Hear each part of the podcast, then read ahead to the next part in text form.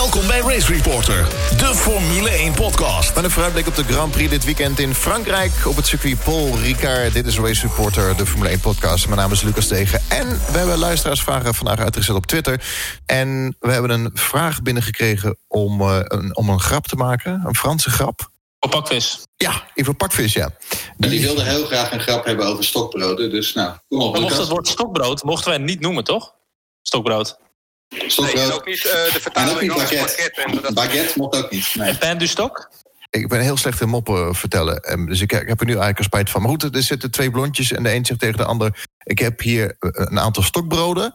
En als jij raadt hoeveel het er precies zijn... mag je ze allebei hebben. Ah, Die is echt goed, hè?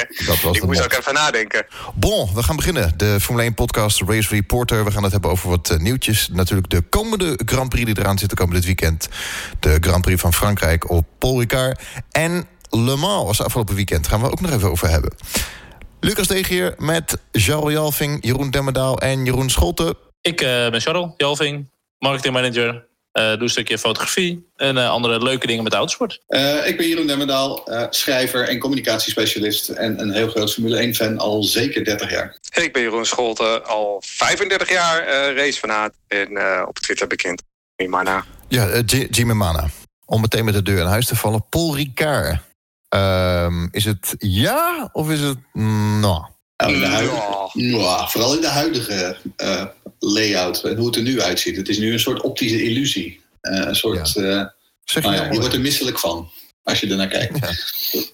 Het is als je de trackmap van bovenaf ziet, zeg maar, de, puur de, de layout, dan ziet hij er echt niet verkeerd uit.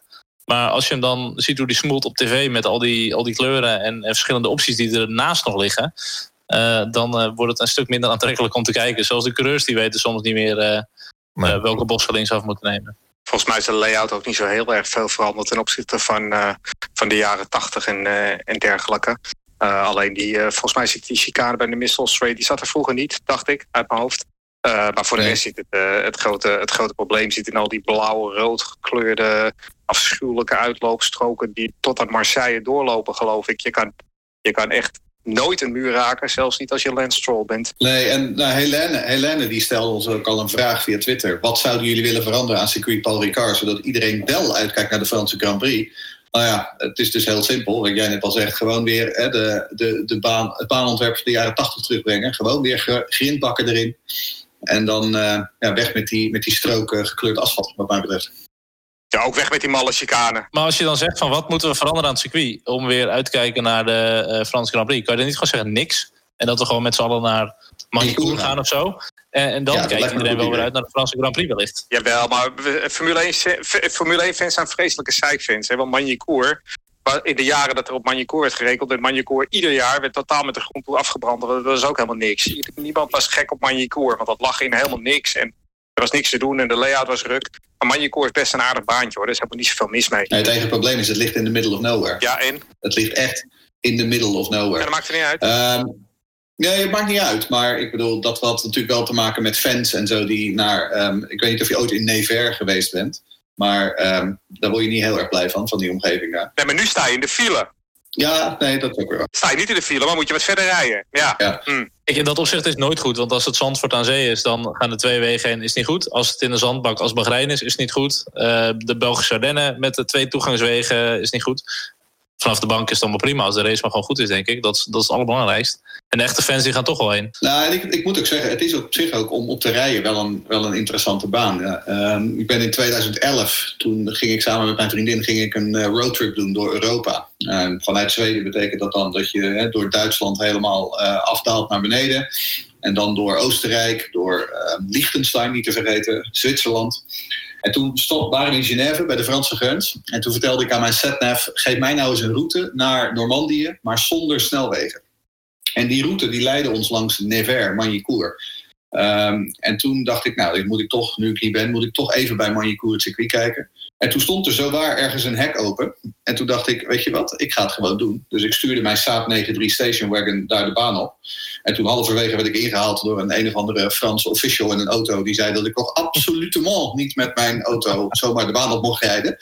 Um, dus toen werd ik ter hoogte van de Adelaide Hairpin werd ik vriendelijk verzocht om weer terug te keren. Maar het is, het is inderdaad het is een mooie vlakke baan. Uh, het asfalt uh, ziet er goed uit. Uh, ze hebben daar nog gewoon grindbakken. En niet van die rare gekleurde lappen asfalt. Dus ja, wat mij betreft gaan we gewoon weer terug.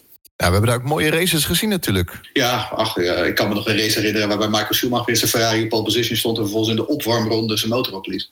Ja. 1996. De mooiste race der races in Frankrijk was natuurlijk die van Dijon in 79. Met, uh, met Arnoux en Villeneuve. En uh, dat is eigenlijk het, uh, dat is eigenlijk geldt nog steeds tot heden ten dagen, 40 jaar later, als het grote voorbeeld van hoe er geraced moet worden in de Formule 1.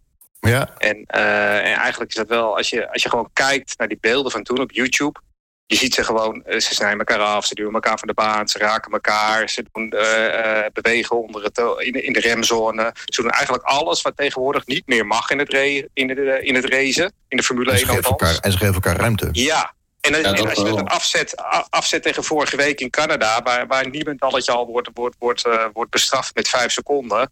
Ja, over 40 jaar gaat er niemand meer praten over Canada. Maar we praten wel 40 jaar later over Dijon. Dus ja.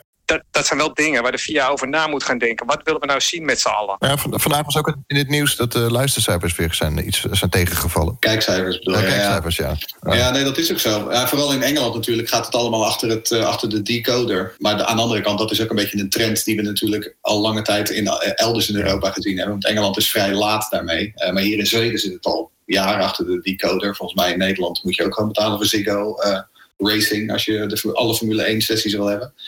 Um, maar we kregen al een vraag trouwens over, over hè, wat we nou willen van de Formule 1 uh, van Daniel. En die zei van ja, als de regels voor 2021 niet werken, is dat dan de doodsteek voor de sport? Uh, Charles, jij hebt daar nog wel wat gedachten over, geloof ik. Oh ja, kijk, doodsteek, dat is natuurlijk wel een heel, heel heftig woord ervoor. Maar ik denk wel dat de Formule 1 nu echt wel duidelijk moet gaan kiezen welke richting ze op willen gaan. En we hebben natuurlijk ook wel eens opgenoemd eerder van ja, is de Formule 1 entertainment? Is het sport? Uh, is een combinatie? Um, maar de Formule 1 die moet wel heel hard gaan werken om, om het stukje competitiviteit weer eigenlijk uh, op niveau te gaan krijgen. Dat iedereen kan gaan meestrijden, dat iedereen kan gaan meekomen. En of dat is met reglementen, of dat is met een budgetcap, uh, whatever. Ik denk wel dat ze echt stap moeten gaan maken, weet je. Want elke sport die professionaliseert en die maakt stappen. Maar de Formule 1, ja, er valt genoeg, genoeg te verbeteren. Dus ik wil het geen doodsteek noemen, maar uh, ja, ze moeten nu wel gaan doorpakken met wat ze willen gaan doen. Oké, okay, dan even nog herinneringen ophalen over Maïkoor. Mijn persoonlijke uh, ja, idool was Jacques Villeneuve. Ik weet nog dat hij in een, een race lag, volgens mij 60 geloof ik, met nog een aantal rondes te gaan. En uh, het was droog of regenachtig, ik weet het even niet meer. Maar Allebei. In de laatste bocht probeerde hij nog Urvan in te halen. Want hij, was, hij had al drie rijders ingehaald in die ronde geloof. Maar Urvan gooide de deur dicht. Villeneuve spint, ramde nog een paar paaltjes mee. Dat vond ik echt een hoogtepunt. Maar we hebben ook een race gehad. Die werd toen stilgezet. Toen moesten alle rijders op start-finish stoppen. Uh, door de regen. En toen ging de race daarna door. En toen werd het een tijdrace. Kan ik me nog herinneren. Weet je dat nog?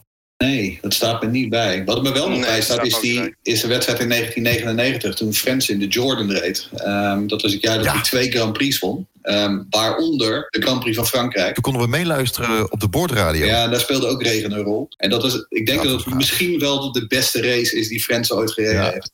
Uh, want hij reed het hele veld het snot voor de ogen.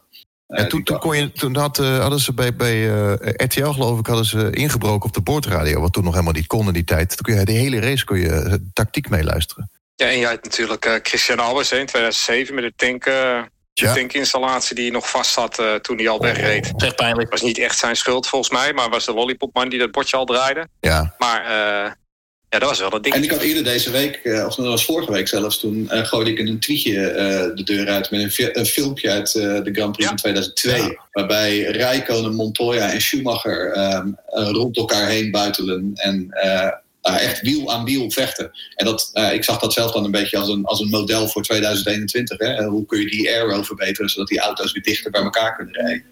Uh, en toen waren er een paar uh, wijsneuzen die zeiden van... ja, in 2002 werd Schumacher ook kampioen met heel veel voorsprong. Toen dacht ik, ja, dat is wel zo. Maar kijk nou gewoon eens naar het filmpje, jongens. Het ziet er prachtig uit. Um, en ik heb, ik heb nog nooit zoveel retweets en likes gehad. Dus uh, ik denk dat een hoop mensen dat graag weer terug willen zien. We hebben gezien dat Schumacher met één wiel nog ietsje over de lijn ging... bij de uitkomen van de pitstraat, kreeg hij straf voor. Ja. Yeah. Hebben we ook nog gehad. De hele lange, lange lijn was dat trouwens. We hebben best wel mooie races gezien hoor. Ja, nou, ik, wat ik zeg, ik zou graag teruggaan naar Marinecourt. Toch was wel gek dat de Franse Grand Prix gewoon een paar jaar uh, van de kalender is geweest. Ja? Het is altijd wel autosport minded ook geweest, volgens mij. Uh. Ja, nou ja, historisch gezien natuurlijk ook de bakermat voor een hoop uh, Formule 1 teams. Hè? Ik bedoel, Ligier en Prost is natuurlijk de, de, de meest recente en waarschijnlijk de meest beroemde. Maar ik bedoel, je hebt natuurlijk ook van die kleine teams zoals Larousse en AGS. En nou ja, Jeroen, Ja, we, we hebben nog wel een paar van die did not pre-qualify klanten. Wat overigens wel, nog één ding, wat overigens wel heel erg opvallend is over de Grand Prix van Frankrijk. Ayrton Senna heeft nooit gewonnen in Frankrijk. In tien jaar tijd. Joh, Dat moet een complot zijn. Dat vertrouw ik dus ook niet. Dat vertrouw ik dus ook niet. Dit moet uitgezocht gaan worden voor ons. Door ons. serieus? Ik denk dat het een complot is van uh, Prost en Ballester waarschijnlijk. Ja, Maar, maar heeft Pos ooit in Brazilië gewoond? Is, hadden ze het niet gewoon een akkoordje? ja, nee. Die heeft wel in Brazilië gewonnen helaas. Oh, Oké. Nou goed. Over Frankrijk gesproken. Afgelopen weekend de 24 uur van Le Mans. Ik heb gekeken. Ik ging om half vijf naar bed. Maar Charles, jij was daar uh, aanwezig. En ja, je ging, hebt hele mooie foto's gemaakt. Uh, maar vertel even, hoe, hoe was je weekend? Druk. dat was een druk weekend uh, naar Le Mans toe. nee, ik was met mijn maatje Jeroen voor Trackside. Waren we inderdaad naar Le Mans toe. ook inderdaad wat foto's gemaakt langs de baan. En ik moet zeggen, ik ben in 2012 voor het eerst geweest naar Le Mans. Toen gewoon als toeschouwer. Ja, uh, nu heb ik het weer vergeleken met eigenlijk zoveel meer kennis van de autosport. Uh, zoveel meer evenementen gezien. Uh, van Formule 1 tot Formule E. Alles wat in Nederland is geweest. ANGP, weet ik het wat. En ik moet zeggen, dit blijft toch wel echt het mooiste autosport-evenement wat er is hoor. En ik, ja. daar hoef ik geen discussie aan te gaan met Jeroen S. Mm. Want de MotoGP qua motorsport is misschien nog wel wat heiliger. ja, en je, bent nog, en je bent nog niet in Indianapolis geweest, lieve jongen. nee, nee, dat is waar. Tot nu toe wat ik heb meegemaakt, dan laat ik het zo, zo zeggen. Uh, de, de volgende die echt voor ons op de planning staat, is inderdaad de Indy 500. Het feit dat die auto's gewoon 24 uur lang vol gas gaan. En dat, dat is niet, niet te, te, omschrijven bijna. En dan sta je er nu helemaal naast de baan met je camera. Ja, op een gegeven moment was Mulsanne straight. komen er vijf auto's komen de bocht om. En die gingen bijna drie à vier breed langs mij. Nou, dan doe je even een klein stapje achteruit, zeg maar. dat gaat vrij hard daar zo. Maar echt mega genoten. Ik, ja, zeker voor herhaling vatbaar, absoluut. Ja, ik wil volgend jaar wel met je mee, Sharon. Hij staat bij mij nog wel op de bucketlist, hoor. Mag. Ik ben normaal met Formule 1 race heb je nu natuurlijk ook wel campings. Maar meestal zit ik zelf in, in een hotel. Uh, hier hadden we ervoor gekozen om inderdaad bij bekenden even een tentje neer te ploffen op de camping. Uh, zodat we toch s'nachts een paar uurtjes slaap konden pakken. Maar goed, de hele sfeer al daar, dat is zo anders vergeleken met de Formule 1. Het is zo gemoedelijk. Er zijn mensen die komen daar al 25 jaar, barbecue'tje mee, tv'tje mee. Uh, en gewoon gezellig biertje doen en, en gewoon autosport kijken. Je had ook een foto gepost van een tent met een dikke bak daarnaast. Ah, dat, is, dat is echt bizar wat er staat op die camping. Want de meest dikke Ferraris, Porsches, McLaren's en die staan er gewoon stof te happen. Terwijl gewoon een klein tentje naast staat. En uh, ja, dat is echt bizar om te zien gewoon. Maar dat zijn echte petrolheads zijn het gewoon die daar staan. En dat, uh, dat merk je gewoon in de sfeer. Uh, dat, ja, ik vond het echt fantastisch. En bij de finish stonden wij ook inderdaad op een gegeven moment nog in de pitlane. En dat was, ik weet niet of jullie hebben meegekregen hoor, een beetje Le Mans. Maar er was op het einde nog redelijk drama tussen de twee Toyota's. Omdat de nummer 7 die uh, had een puncture, een uh, lekke band. Die is teruggereden naar de pits. Uh, alleen wegens fout met de sensor hadden ze de verkeerde band verwisseld. Waardoor die weer de baan opreed met nog steeds een lekke band. En die hebben uiteindelijk dus verloren. Maar die hadden wel de pole position te pakken en de hete. Um, en die zag ik binnenkomen, de nummer 2. Ja, en de, de, daar is geen glamour. De nummer 1 die gaat natuurlijk de pitstraat ja. in met vlaggen, de teamgenoot op de auto, confetti, alles. En de nummer 2, uh, Lopez, die uit de auto kwam. Nou, ik heb nog nooit een coureur zo te neergeslagen gezien. Uh, hoofdje omlaag, vizier dicht. Uh, Bruno Senna die nog even een arm om hem heen hing. Ja, en als je daar dan staat, dan denk je wel, dit is wel echt emotie in die sport. Hoor. Na 24 uur dat je hem zo kwijtraakt. Oh, pijnlijk, heel pijnlijk. Ik, ik heb even één ding gemist, neem me niet kwalijk. Maar wat, is nou, wat zijn nou de verschillen tussen nummer 1 en 2? Is dat een half uur, is dat een uur, is dat twee seconden? Um, nou, ik weet niet precies hoeveel dat nu uiteindelijk was. Want ik moet zeggen, als je langs de baan staat tijdens de race... krijg je, ja, niet, niet, zoveel, niet, alles mee. Maar volgens mij voor die lekke band... Uh, hadden ze iets van twee minuten voorsprong op de nummer 2. Uh, kan je nagaan, op 24 uur. Ja, maar dat is dan nog LMP1 en daar is niet heel veel competitie. Maar je hebt ook de, de GT-klasses, de Pro en de AM, de Amateur. Ja, en de, dat, hoe ze het ook noemen, Jeroen Blekemolen op dag gewonnen. Dat, ze zeggen het is gewoon een sprintrace van 24 uur. En dat is ja. elke keer vechten om positie voor elke seconde, voor elke meter. Ja, dat is, dat is niet te beseffen hoe, uh, hoe competitief dat is. Hoe, hoe lang uh, uh, zit zo'n rijder in, in de wagen? Want ze wisten natuurlijk af. Ik weet dat niet precies, maar volgens mij doen ze wel stints van tussen de twee à drie uur. En dat verschilt nog wel. Zes sessies van ongeveer drie uur, geloof ik. Ja, ik weet nog dat Alonso beledigd was, want die mocht er nog niet in. ja, klopt. Ik had wel dat filmpje inderdaad gezien dat hij verpist was dat hij er nog niet in mocht. En toen later mocht hij koffie halen. En er was ook een team, een ander team, die was, uh, die, moest een meisje de pits moest huilen. Want die gast die was uh, in één uur twee keer van de baan gevlogen. Die zijn toch nog weer doorgereden. En, en niet de Vries natuurlijk zijn wiel eraf. Dat is voor mij gewoon het mooie allemaal. Is dat uh, met elke andere raceklasse bijna, als je eraf vliegt, dan is het gewoon klaar je race. En inderdaad, Nick ja. de Vries was iets met de ophanging van de auto mis, waardoor hij in één keer niet instuurde. en die auto die ging gewoon zo goed als rechtdoor. Maar goed, kan je nog rijden, dan mag je gewoon terug naar de pits. En dat is wel heel vet om te zien dat zo'n zo'n totaal kapotte auto weet terug te hinkelen naar de pit, zeg maar. En uh, het is het, minder dan een uur later uh, rijdt hij gewoon weer de baan op. Dat is het mooie van de sport, 24 uur van allemaal. We kunnen hier nog 24 uur over uh, podcasten. Makkelijk. Makkelijk. Laten we even terug naar de Formule 1 en even kijken naar de nieuwtjes. Race Reporter, de Formule 1 podcast. Racereporter.nl Nieuwe Honda-motor voor Max. Ja, het verhaal is dat Honda nu met de tweede update van het seizoen gaat komen in Frankrijk. Um, zal natuurlijk na vier races al een update. Um, en nu komt er weer één aan. Um, wat dus wel aangeeft dat Honda in ieder geval een vrij agressief ontwikkelingsprogramma gaande heeft. En Max en, en, en het hele team Red Bull, Horner, iedereen is nog steeds reuze positief over Honda en de effort die ze in die motoren steken. Wat ik wel een frappant verschil vind met de, de periode toen ze bij McLaren zaten, toen het alleen maar ach en en treurig, treurigheid was. Ja, ze hebben zich er ook bij Red Bull al bij neergelegd dat ze gewoon kritstraf gaan krijgen dit jaar. Het is toch een beetje de ontwikkeling van de Honda-motor gaat voor op, uh, op eventuele straffen.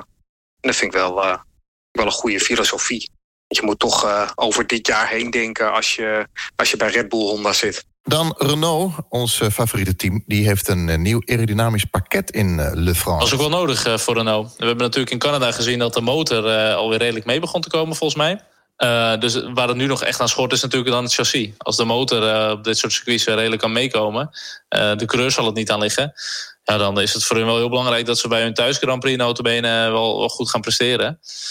ik heb inhoudelijk niet naar gekeken wat ze precies gaan kijken. Ik weet niet of jullie mij daarin kunnen aanvullen, maar geel onlogisch is natuurlijk niet. Want voor het Frans team uh, uh, is het wel gewoon heel belangrijk dat ze hier uh, goed voor de punten kunnen gaan meestrijden. Ja, ik denk inderdaad dat het qua, als je kijkt naar de, de timeschedule voor ontwikkeling, denk ik dat dit wel, wel logisch is inderdaad. Ze hebben zich eerst opgericht schijnbaar om die motor beter te krijgen. Nou, daar kwamen ze in Monaco mee inderdaad, wat je zegt, in Canada hebben we gezien hoe die motor nu nou, toch best wel hard loopt. Ja, dus nu inderdaad is het focus op het chassis, want uh, dat is natuurlijk het grootste uh, tekort nog uh, bij Renault moment. Ja, goed getimed ook, hè, want het is hun thuisrace uiteindelijk. Je ziet vroeger had je altijd dan de eerste Europese Grand Prix. Dan kwamen echt de eerste updates op de auto. Tegenwoordig is dat al niet meer zo. Want het kan zo snel uh, ingevlogen worden, zo snel geproduceerd worden soms. Uh, je ziet dat de updates ook meer uitgesmeerd worden. Uh, vorige race Canada, kan ik me voorstellen, is nog wat lastiger. Ook iets minder belangrijk. Paul Ricard, ja, prima om die auto natuurlijk even een dikke update te gaan geven. Dus ik ben benieuwd. Misschien zijn we na, uh, na de race op zondag weer uh, bijster positief over Renault. Ja, ja. Dan even over de toekomst van Formule 1. Uh, er is een budgetcap is aangenomen voor 2020. andere zaken zijn uitgesteld. En ik zei het net al iets over de kijkcijfers van Formule 1 dalen. Ja, die kijkcijfers is, is altijd een lastig verhaal, vind ik hoor. Want vaak zie je dan de killer cijfers en dat daalt. Maar ja, we weten ook allemaal dat het wel achter decoders aan het verdwijnen is. En, en wat dan precies, uh, dat heeft natuurlijk uiteraard invloed. Maar hoeveel precies, dat weet ik dan niet. Uh, je zou het heel makkelijk aan de hand van andere sporten denk ik kunnen meten. Want voetbal zit ook veelal in veel landen achter decoders. Uh, hoe is het daar gezakt en hoe is het daar met hun kijkcijfers? Heel vaak worden de killer cijfers gepost, maar het is heel moeilijk om daar echt, echt waardeoordeel aan te hangen. Want ja, achter een decoder, ja, per definitie krijg je dan minder kijkers uiteraard. Ja, ik moet ook eerlijk zeggen, ik heb er zelf gewoon puur principieel, uh, ge, uh, principieel gezien heb ik er nooit echt moeite mee gehad. Ik bedoel, ja, uiteindelijk moet je gewoon betalen voor bepaalde content. En Formule 1 is een, is een duur product, net, als, net als live Premier League voetbal. En ja, dat dat uiteindelijk, dat je daar extra voor moet betalen, ik zie dat niet echt als een probleem.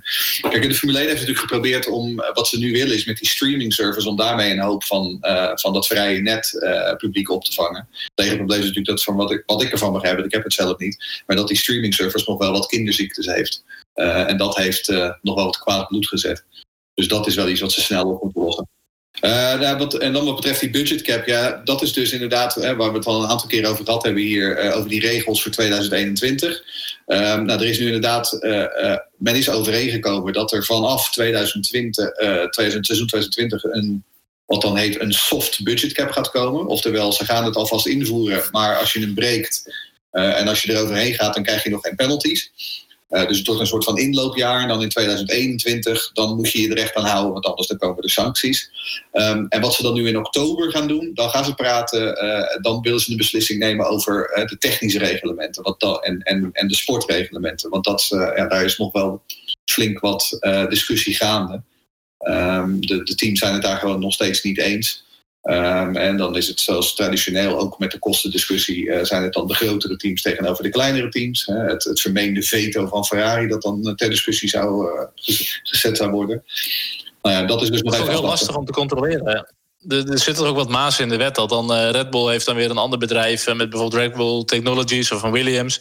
Die ontwikkelen weer iets wat ze dan eigenlijk zelf weer heel goedkoop kunnen inkopen. Dus er zit ook best wel maas in de wet hoe ze met veel minder budget uh, alsnog veel betere spullen ja. kunnen krijgen. En dat is natuurlijk heel lastig om in te gaan vullen uiteindelijk. Ja, sowieso is het natuurlijk een heel tour, denk ik, voor, uh, voor, voor, een boekhouder om dat allemaal te controleren, hoe dat zit bij die teams. Nou, je kunt het al zien aan de, aan de FIFA. Hè. De FIFA heeft natuurlijk ook een FIFA Fair, uh, fair Play reglement. en de UEFA ook, geloof ik, hier in Europa ingesteld. Um, ja, dat heeft ook uiteindelijk niet zo heel veel zoden aan de dijk gezet. Dus ja, we moeten het afwachten of die, of die budgetcap daadwerkelijk iets gaat veranderen. Maar het is in ieder geval een signaal. Nou, dat dus, want er wordt er heel negatief over gedaan. Van ja, rijderssalaris zit er niet in en alles het uh, nee. gedoe. Maar uiteindelijk is het wel gewoon een signaal. En zijn de rijke teams, die zullen toch iets minder moeten gaan uh, uitgeven. Dus ik vind, het, ik vind het uiteindelijk toch wel positief. En je weet ook, er komt een compromis. Er komt geen budgetcap van 100 miljoen. Dat is gelul.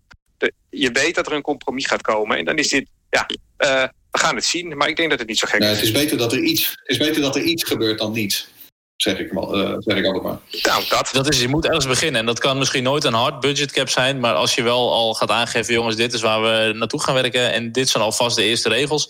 Ja, dan, dan ga je er toch al langzaam uh, de gevolgen van zien, denk ik. Absoluut.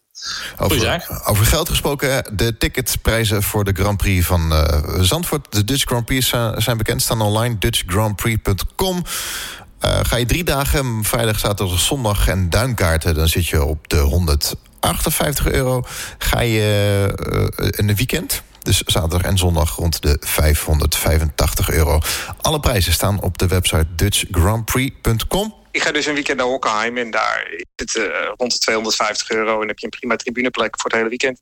Ja, maar als er nou één baan is waar je niet echt een tribuneplek nodig hebt, dan is het toch Zandvoort. Want ik bedoel, ik heb ook in mijn jonge jaren vrij veel tijd in de, in de duinen doorgebracht. En er, zitten, er zijn gewoon plekken, ja, maar er zijn gewoon plekken rond, rond uh, Zandvoort waar je in de duinen gewoon beter zit dan op het Dat is waar, absoluut. Ja, maar dan mis, je, dan mis je ook wel videoschermen. Hè? En bovendien als het regent zit je... Uh... Maar daar heb je toch een pondshow voor? Dat zou jij toch moeten weten? Ik heb dus op uh, Sao Paulo ben ik geweest. Uh, en daar zat ik niet op de tribune. Maar het tweede deel, en daar zaten echt de Braziliaanse fans ook. Dat is een leuke sfeertje. Dan heb ik begrepen ook achteraf dan de tribune inderdaad. Ja, ik heb in Spa, ik heb in Spa een keer boven op Kemmel gezeten. Uh, tussen ja. de Duitsers. Um, dat was nog in de dat was er in de Schumacher Bietburger dagen. En dat was hartstikke gezellig. Ja. Uh, en ik heb daarna ook nog een keer in de busstopchicane gezeten. Oh ja, ja. Ik ook. Uh, weet je, bovenop dat, op dat, bovenop dat heuveltje, zeg maar. Ja. Um, ja, ik bedoel, dat vond ik ook een prima plek. Dus ja, ik, voor mij hoefde het allemaal niet zo nodig om 600.000 euro uit te geven. Ja, maar heb je wel een videoscherm hè, voor je neus. En dat heb je nu vaak niet. En dat is dan wel echt een nadeel. Ja, maar ik ga niet voor een videoscherm naar een, naar een wedstrijd. ik ga voor de ervaring, uh, Jeroen. Uh, we, het is in Nederland, we hebben geen scherm nodig. We hebben gewoon mobiel internet. Dat, dat sowieso. Ja, ik denk dat sowieso de duinen gigantisch gezellig is. En dat zag je ook in Oostenrijk. Uh, was dan misschien wel een tribune, maar daar, die, die oranje massa, jongen, dat is echt fantastisch. Maar ik moet zeggen, ik schrik niet van die prijzen. Ik bedoel, het is ook vraag en aanbod, hè. Maar dat, ze weten dat ze uitverkocht raken. Uh, logisch dat ze doen, weet je wel. En kijk, Nederland, die verdient... het is ook een inkomen. In Nederland verdienen mensen relatief veel. Uh, uh, dus het is ook relatief betaalbaar. Als je naar een ander land gaat, naar Baku of zo, waar de tribunes leeg zijn, ja, logisch dat het dan goedkoper is. Goed, ik kan me voorstellen als jij met je gezin je heen wil, ja, dat is een beste duit geld inderdaad. Ach, ja. ja. heb je het ervoor over? Ja, maar we, we, zeggen ook wel eens, we zien ook wel in andere landen dat bepaalde circuits gewoon moeite hebben om rond te komen als ze een Grand Prix organiseren. Um, dus weet je, um, ik denk dat het voor Zandvoorts financiële positie wel goed is. de toekomst van Kubica? Uh, Kubica is het, hè? inderdaad, hebben we, hebben we, nu geleerd. Ja, ja um, de, de sponsor van Kubica, dat is de Poolse oliemaatschappij Orlen, die hebben nu verkondigd dat ze uh, Kubica, of Kubica sorry, in 2020 bij een ander team willen zien. Want het gaat niet goed bij Williams. Um, nou, dat vind ik heel erg. Ik denk dat Williams hem ook bij een ander team. Ja, ik denk inderdaad dat Williams hem ook bij een ander team wil zien op dit moment. Um, ik denk het grootste probleem in deze logic, in dit uh, idee, is dat ik geen ander team zie dat graag Kubica in 2020 ziet. Want ik zou niet weten waar die, waar die erin kan stappen. Misschien dat ze ergens in de Formule 4 nog een, uh, nog een stoeltje voor hem hebben. Maar... Nee, we hebben het de vorige keer in de podcast ook over gehad. Dat is een leuk idee, maar het werkt niet. Race Reporter, de Formule 1-podcast. Dan de luisteraarsvragen die gesteld werden vandaag op Twitter. Twitter.com slash racereporternl. Formule1podcast.nl Ja, nou, we hebben er eentje van Dennis Scheerman. Dat is overigens een nieuwe luisteraar. Die vertelde ons vanochtend... ik ben net aan jullie podcast podcast begonnen. Erg fijn om naar te luisteren. En voor de Grand Prix van dit weekend ben ik bij. Dus nou, welkom Dennis, welkom bij de club. Ah, dat is uh, goed om te horen. Goed om te horen. Um, en die zegt, ik vind Stroll de laatste weken een goede indruk maken. Is er een mogelijkheid dat hij Perez voorbij gaat... of is dit meer geluk dan wijsheid? Um, nou, ik moet zeggen, ik vind het nog wel meevallen. Um, eh, voor wat het vorige, vorige podcast hadden we het er al over dat hij het in Canada natuurlijk gewoon goed deed. Um, maar eh, Jeroen zei volgens mij toen ook één zwaluw maakt nog geen zomer. en dat is een beetje mijn opvatting ook.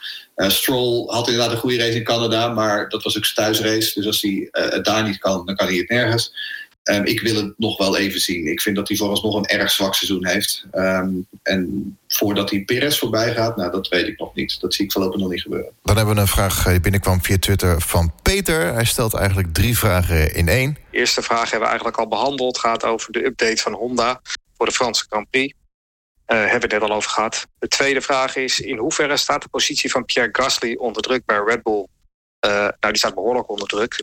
Uh, dat lijkt me wel heel erg duidelijk. Alleen wat voor hem geldt, geldt voor nog andere rijders. Uh, er is niet echt een heel erg goed alternatief te vinden. En zolang die er niet is, zal uh, Gasly nog eventjes verder mogen rijden, denk ik. Volgende vraag. Is er al witte rook voor Bottas voor 2020?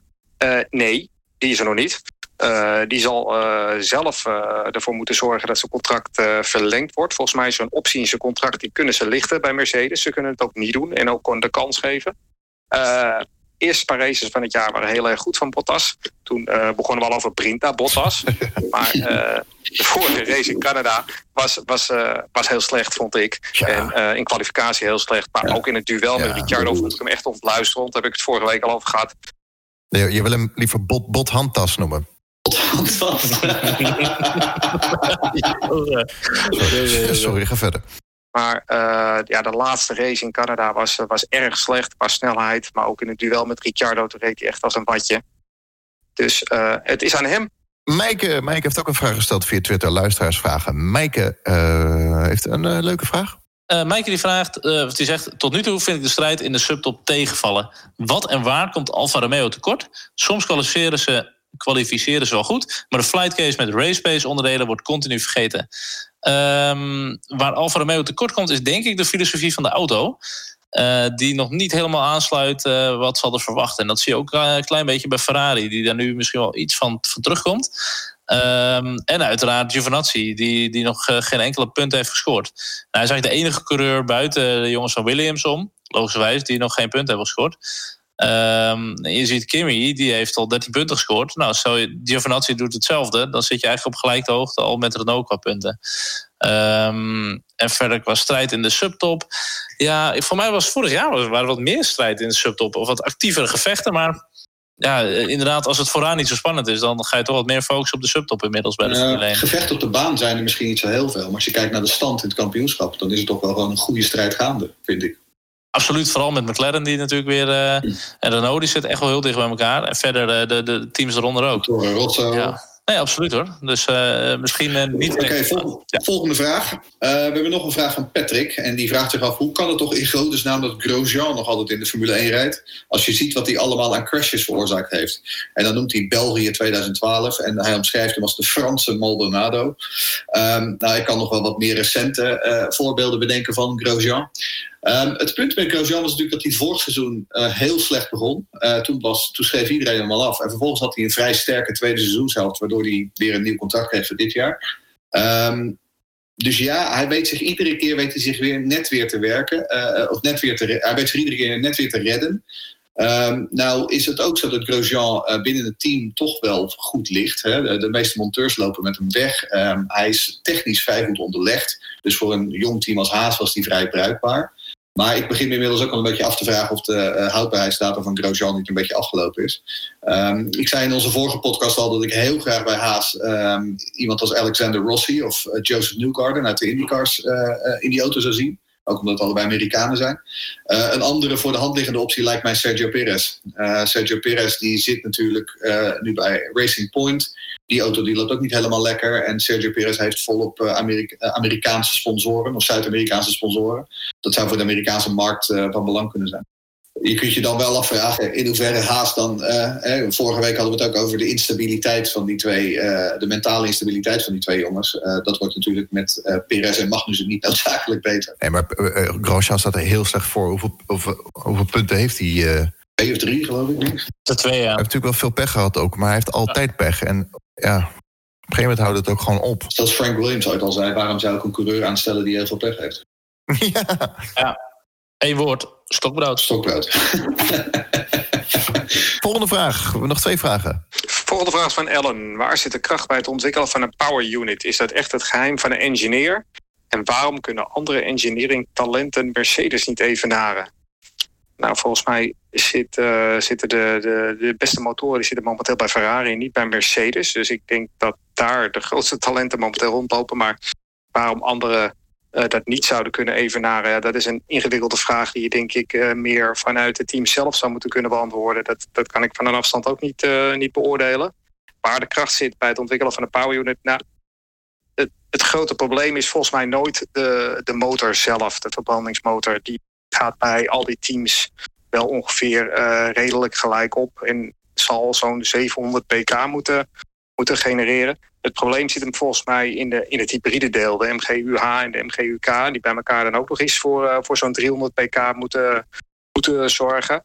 Daar zit het grote probleem in. En dat, is, dat schijnt een techniek te zijn die echt ontzettend ingewikkeld en complex is. En de huidige motoren sowieso zijn, zijn veruit de meest, uh, meest ontwikkelde, meest efficiënte motoren die ooit in de Formule 1 zijn geweest. En ook veel en veel schoner dan dat ze ooit zijn geweest. Ze, ze, ze leveren dikke 1000 pk. En als je, als je kijkt dat maar 1,6 liter motoren zijn met, met 105 uh, kilo brandstof per race. Dat zijn het ontzettend efficiënte motoren. En het is gewoon heel lastig om dat, zeker als je een achterstand hebt, om dat in te lopen. En ze zijn ook een stuk uh, efficiënter en complexer dan de meeste verbrandingsmotoren die in jouw auto hangen. Um, en dat is ook wel een ook kwestie waar nu ook richting 2021 over gesproken wordt. Zijn die motoren niet te complex voor autofabrikanten om zich daadwerkelijk te committeren aan de Formule 1? Uh, moet het niet gesimplificeerd worden, zodat het meer relevant wordt voor andere autofabrikanten om de Formule 1 erin te springen? Nou, dat is een goede, want deze motoren die zijn veel, uh, veel complexer dan, dan, dan motoren die fabrikanten voor de rest nog ontwikkelen. Hè. Deze motoren zijn veel te complex. Absoluut. Als je alleen al ziet wat we aan heat management moeten doen, omdat het zo'n klein uh, pakketje moet worden om, ja. om, die auto's zo slank mogelijk te maken. Ja, dat gaat gigantische uitdagingen zetten om die hitte gewoon kwijt te raken zonder dat je hele bodywork uh, eromheen wegsmelt. Ja, dat, uh, dat is niet helemaal de bedoeling, lijkt mij. En McLaren had gaatjes geboord toen hè, met die ronde. Dan laatste luisteraarsvraag, die is van Liane. Yes, uh, Liane die vraagt zich af... wie is in Frankrijk volgens jullie het sterkste middenveldteam en waarom? Ja, ik denk uh, eigenlijk waar we het net al een beetje over hadden. Ik denk dat Renault het niet heel erg slecht gaat doen. Deed het vorig jaar ook niet, uh, niet bijzonder slecht als, als vierde team. Haas was, dat gaat er ook redelijk bij. Maar ik verwacht toch wel een hoop van Renault eigenlijk. Ik denk dat Toro Rosso een, goed voor de dag gaat komen. Die waren in Monaco ook sterk. En ik denk dat die goed voor de dag gaan komen. Nes, wat denk jij? Uh, ik, ik ga voor Renault en voor McLaren als tweede, als, uh, als eerste van de subtop. Oké, okay. interesting. Jij nog even, Lucas, voor de vorm? Um, ik, denk, ik denk Renault, want ik heb uh, leuke dingen gezien in Canada van uh, Daniel Avocado. Heren, mag ik jullie bedanken voor jullie tijd? Ja, uiteraard. Jo, graag gedaan. Ik uh, ga mijn bedje opzoeken, denk ik. Ja, jij moet gaan bijslapen, Charles. Een beetje slaap inhalen na dit weekend. Oh, jongens. Goed, dit was de voorbeschouwing op de Grand Prix dit weekend in Frankrijk. Race Reporter, Formule 1 podcast. Voor meer informatie racereporter.nl. Bedankt voor het luisteren. Tot de volgende. Tot de volgende. Hoi. Doei.